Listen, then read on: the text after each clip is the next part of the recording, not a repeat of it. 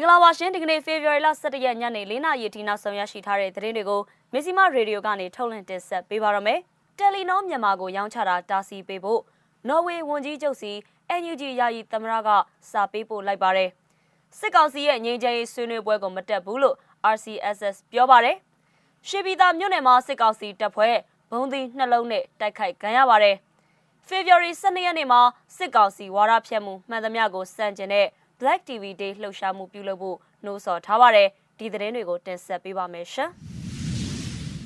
တယ်လီနောမြန်မာရဲ့ share တွေကို M1 Group စီရောင်းချမဲ့ဆုံးဖြတ်ချက်ကမြန်မာပြည်သူတွေရဲ့လုံခြုံရေးနဲ့အသက်အန္တရာယ်ကိုထိခိုက်စေနိုင်တဲ့အတွက်အဲ့ဒီရောင်းချမှုဖြစ်စဉ်ကိုတားဆီးပေးဖို့နော်ဝေဝန်ကြီးချုပ်စီကိုယာယီသမရဒူဝါလက်ရှိလာကမနေ့ကစာရေးသားပေးဖို့တောင်းဆိုလိုက်ပါတယ်ဒီအကြောင်းကိုတော့ Burma Associated Press ရဲ့သတင်းမှာဖော်ပြထားပါတယ်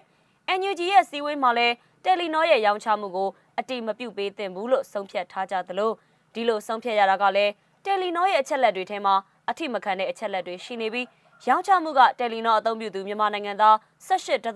တန်းရဲ့လုံခြုံရေးနဲ့အသက်အန္တရာယ်ကိုထိခိုက်စေနိုင်တယ်လို့ဆိုထားပါတယ်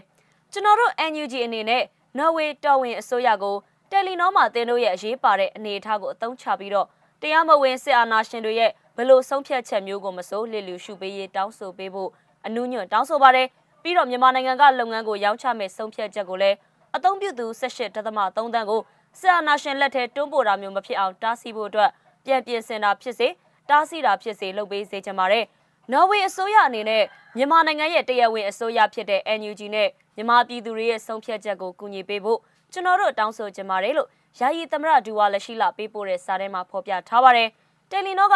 2021ဇူလိုင်မှာမြန်မာနိုင်ငံကလုပ်ငန်းကို လက်ဘနွန်လုပ်ငန်း M1 Group ကိုရောင်းချတော့မယ့်သတင်းထုတ်ပြန်ခဲ့တာဖြစ်ပါတယ်။ M1 Group ကလက်ဘနွန်အခြေစိုက်လုပ်ငန်းတစ်ခုဖြစ်ပြီးတော့ပုဂ္ဂိုလ်ရေးလွတ်လပ်ခွင့်တွေကိုအလေးမထားတာလွတ်လပ်စွာဖော်ထုတ်ခွင့်တွေကိုအလေးမထားတဲ့မှတ်တမ်းတွေနဲ့အတူအကျင့်ပြတ်ခြစားမှုမှတ်တမ်းတွေအာဏာရှင်တွေနဲ့ပူးပေါင်းလှုပ်ဆောင်မှုတမိုင်းကြောင်းတွေရှိခဲ့ပါတယ်။နော်ဝေရဲ့တန်ဖိုးထားမှုတွေတယ်လီနောရဲ့လူအခွင့်အရေးကာကွယ်မှုတွေနဲ့ကွာခြားပါတယ်။သတင်းထုတ်ပြန်မှုတွေမှာတယ်လီနောဟာတယ်လီနောမြန်မာကို Investcom စီရောင်းချဖို့စီစဉ်နေပြီး Investcom မှာစစ်ဘက်နဲ့ဆက်နွယ်တဲ့ရွှေမြန်းဖြူလုပ်ငန်းကအထူးရှယ်ယာရှင်ဖြစ်နေပါတယ်။ပြီးတော့ကျန်တဲ့ရှယ်ယာကို M1 အဖွဲ့ကပိုင်ဆိုင်ထားပါတယ်။ရွှေမြန်းဖြူရဲ့ Managing Director က EU ကစီးပွားရေးပိတ်ပင်ထားတဲ့ Forest Joint Venture Corporation ရဲ့အထူးရှယ်ယာရှင်ဖြစ်တယ်လို့လည်းသိရပါတယ်ရှင်။စစ်ကောင်စီကဖိတ်ခေါ်ထားတဲ့ထာဝရငြိမ်းချမ်းရေးအကျိုးဆွေးနွေးပွဲကိုရှမ်းပြည်ပြည်နယ်ထူထောင်ရေးကောင်စီ RCSS ကတက်ရောက်ဖို့အစီအစဉ်မရှိတဲ့အကြောင်း RCSS ရဲ့ပြောရေးဆိုခွင့်ရှိသူဘူမူခမ်းဆန်ကပြောပါတယ်စစ်ကောင်စီကဖေဖော်ဝါရီလ12ရက်နေ့မှာပြုလုပ်မှာဖြစ်တဲ့85နှစ်မြောက်ပြည်ထောင်စုနေ့အထိမ်းအမှတ်အခမ်းအနားမှာငြိမ်းချမ်းရေးဆွေးနွေးပွဲအစီအစဉ်ကိုထည့်သွင်းထားတာပါပြည်ထောင်စုနေ့ကသူကနှစ်ပိုင်းရှိမယ်ပထမတစ်ခုကနှစ်ပတ်လည်အခမ်းအနားရဲ့နောက်တစ်ခုကတော့နိုင်ငံရေးနဲ့ငြိမ်းချမ်းရေးဆွေးနွေးဖို့ရဲ့နှစ်ခုရှိမယ်နိုင်ငံရေးနဲ့ငြိမ်းချမ်းရေးဆွေးနွေးဖို့ကြတော့ RCSS အနေနဲ့တက်ရောက်မှာမဟုတ်ဘူး85နှစ်မြောက်အခမ်းအနားကြတော့ RCSS ရဲ့ ထိတ်တန်းကိုယ်စားလှယ်တွေတက်ရောက်မှာမဟုတ်ဘူးရုံးဝန်ထမ်းအဆင့်ဆက်ဆံရေးရုံးကသူတွေတော့တက်ရောက်ကောင်းတက်ရောက်လိမ့်မယ်ဒါကလည်း RCSS ကိုစားပြုတာမဟုတ်ပဲဆက်ဆံရေးရုံးရဲ့လှုပ်ထုံလုံနည်းအရာသွားတာပဲဖြစ်ပါတယ်လို့ဘူမူခမ်ဆန်ကပြောပါတယ် RCSS က NCA အပြည့်ရလက်မှတ်ရေးထိုးထားတဲ့အဖွဲ့အစည်းတစ်ခုဖြစ်ပြီးတော့လက်ရှိရှမ်းပြည်နယ်ထဲမြောက်ပိုင်းမဟာမိတ်တပ်ဖွဲ့ဝင်တွေနဲ့တိုက်ပွဲတွေဖြစ်ပွားလျက်ရှိပါတယ်တရားဝင်မှုကိုစားပြုမှုအားလုံးပါဝင်နိုင်မှုနဲ့ ကန့်သတ်မှုမရှိဘဲနိုင်ငံရေးဆွေးနွေးနိုင်မှုစတဲ့အချက်တွေကြောင့်စစ်တပ်ရဲ့ဖိတ်ခေါ်ချက်ကိုလက်မခံရတာဖြစ်တဲ့ကြောင်းဘူမူခမ်ဆန်ကပြောပါရရှင်။ရန်ကုန်တိုင်းရွှေပြည်သာမြို့နယ်မှာစစ်ကောင်စီအင်အား40ကျော်တပ်ဆွဲထားတဲ့အဆောက်အအုံကိုဘုံသီးနှလုံးနဲ့ဒီကနေ့မနက်ပိုင်းကတိုက်ခိုက်ခဲ့ရမှာတိစုံသူတွေများတဲ့အကြောင်းကာကွယ်ရေးတပ်ဖွဲ့ကပြောပါရယ်ဒီနေ့မနက်9:15မိနစ်အချိန်မှာရွှေပြည်သာမြို့နယ်တာရုကန်စက်မှုဇုံထိပ်ကစစ်ကောင်စီတပ်ဖွဲ့40ကျော်တပ်ဆွဲထားတဲ့အဆောက်အအုံကို ကျွန်တော်တို့ကာကွယ်ရေးတပ်ဖွဲ့တွေပူးပေါင်းပြီးတော့ M79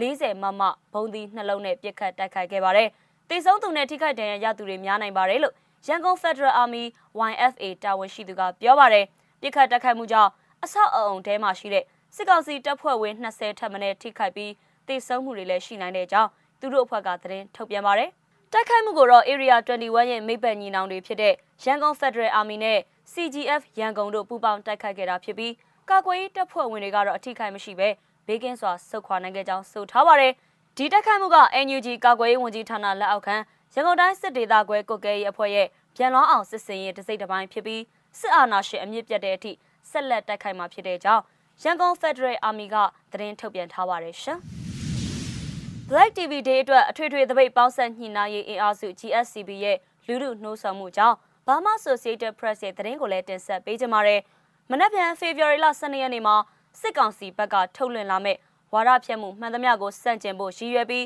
Black TV Day လှုပ်ရှားမှုမှာပါဝင်ဖို့အထွေထွေသပိတ်ပေါင်းဆက်ညီနိုင်အင်အားစု GSCB ကနှိုးဆော်ထားပါတယ်။အဲ့ဒီနေ့အကြမ်းဖက်စစ်ကောင်စီကလွှင့်တဲ့ဝါဒဖြန့်မှုမှန်သမျှကို social media ကပဲဖြစ်ဖြစ်အကြမ်းဖက်စစ်ကောင်စီရဲ့ရုပ်သံလိုင်းတွေကပဲဖြစ်ဖြစ်စစ်ကောင်စီရဲ့ထုတ်လွှင့်မှုမှန်သမျှမကြည့်ဘူးအဖက်မလုပ်ဘူးအကောင့်အစုံမဝေဖန်ဘူးငါတို့အခမ်းအနားငါတို့ကြည့်မယ်လို့ GSCB ကတိုက်တွန်းနှိုးဆော်ထားပါတယ်။ အဲ့ဒီနေ့ငါတို့ဘက်ကပင်လုံစာချုပ်85နှစ်ပြည့်ပွဲရှိတယ်။အဲ့ဒီပွဲကို Facebook ကနေငါတို့ကြည့်မယ်။ငါတို့ဖြော်ဖြေရေးငါတို့တော်လန်ရေးငါတို့လုပ်မယ်။ငါတို့ရဲ့ပါရမီတွေဇတွေငါတို့ရဲ့အရေးချင်းတွေကို Facebook မှာကိုပြကြမယ်။အကျန်းဖတ်စစ်ကောင်စီ TV ကယွန်စရာကောင်းတယ်လို့လည်း GSCB ကဆိုပါတယ်။ဒါကြောင့်အဲ့ဒီနေ့မှာစစ်ကောင်စီဘက်ကထုတ်လွှင့်လာမဲ့အစီအစဉ်မှန်သမျှကိုစန့်ကျင်တဲ့အနေနဲ့ TV မကြည့်ဖို့ TV ကလာမဲ့အရာတွေကို Facebook ပေါ်မတင်ဖို့ like share comment troll လောက်တာတွေကိုရှောင်ရှားဖို့ဂရုမစိုက်ပဲနေဖို့ကိုတိုက်တွန်းထားတာပါအာနာသိန်းစစ်ကောင်စီကအဲ့ဒီနေ့မှာစင်ရတုပြည်တော်စုနေကိုအကြောင်းပြပြီးတိုင်းရင်းသားလက်နက်ကိုင်အဖွဲ့တွေကိုငြိမ်းချမ်းရေးကန့်လန့်တာပြုလုပ်ခဲ့ပေမဲ့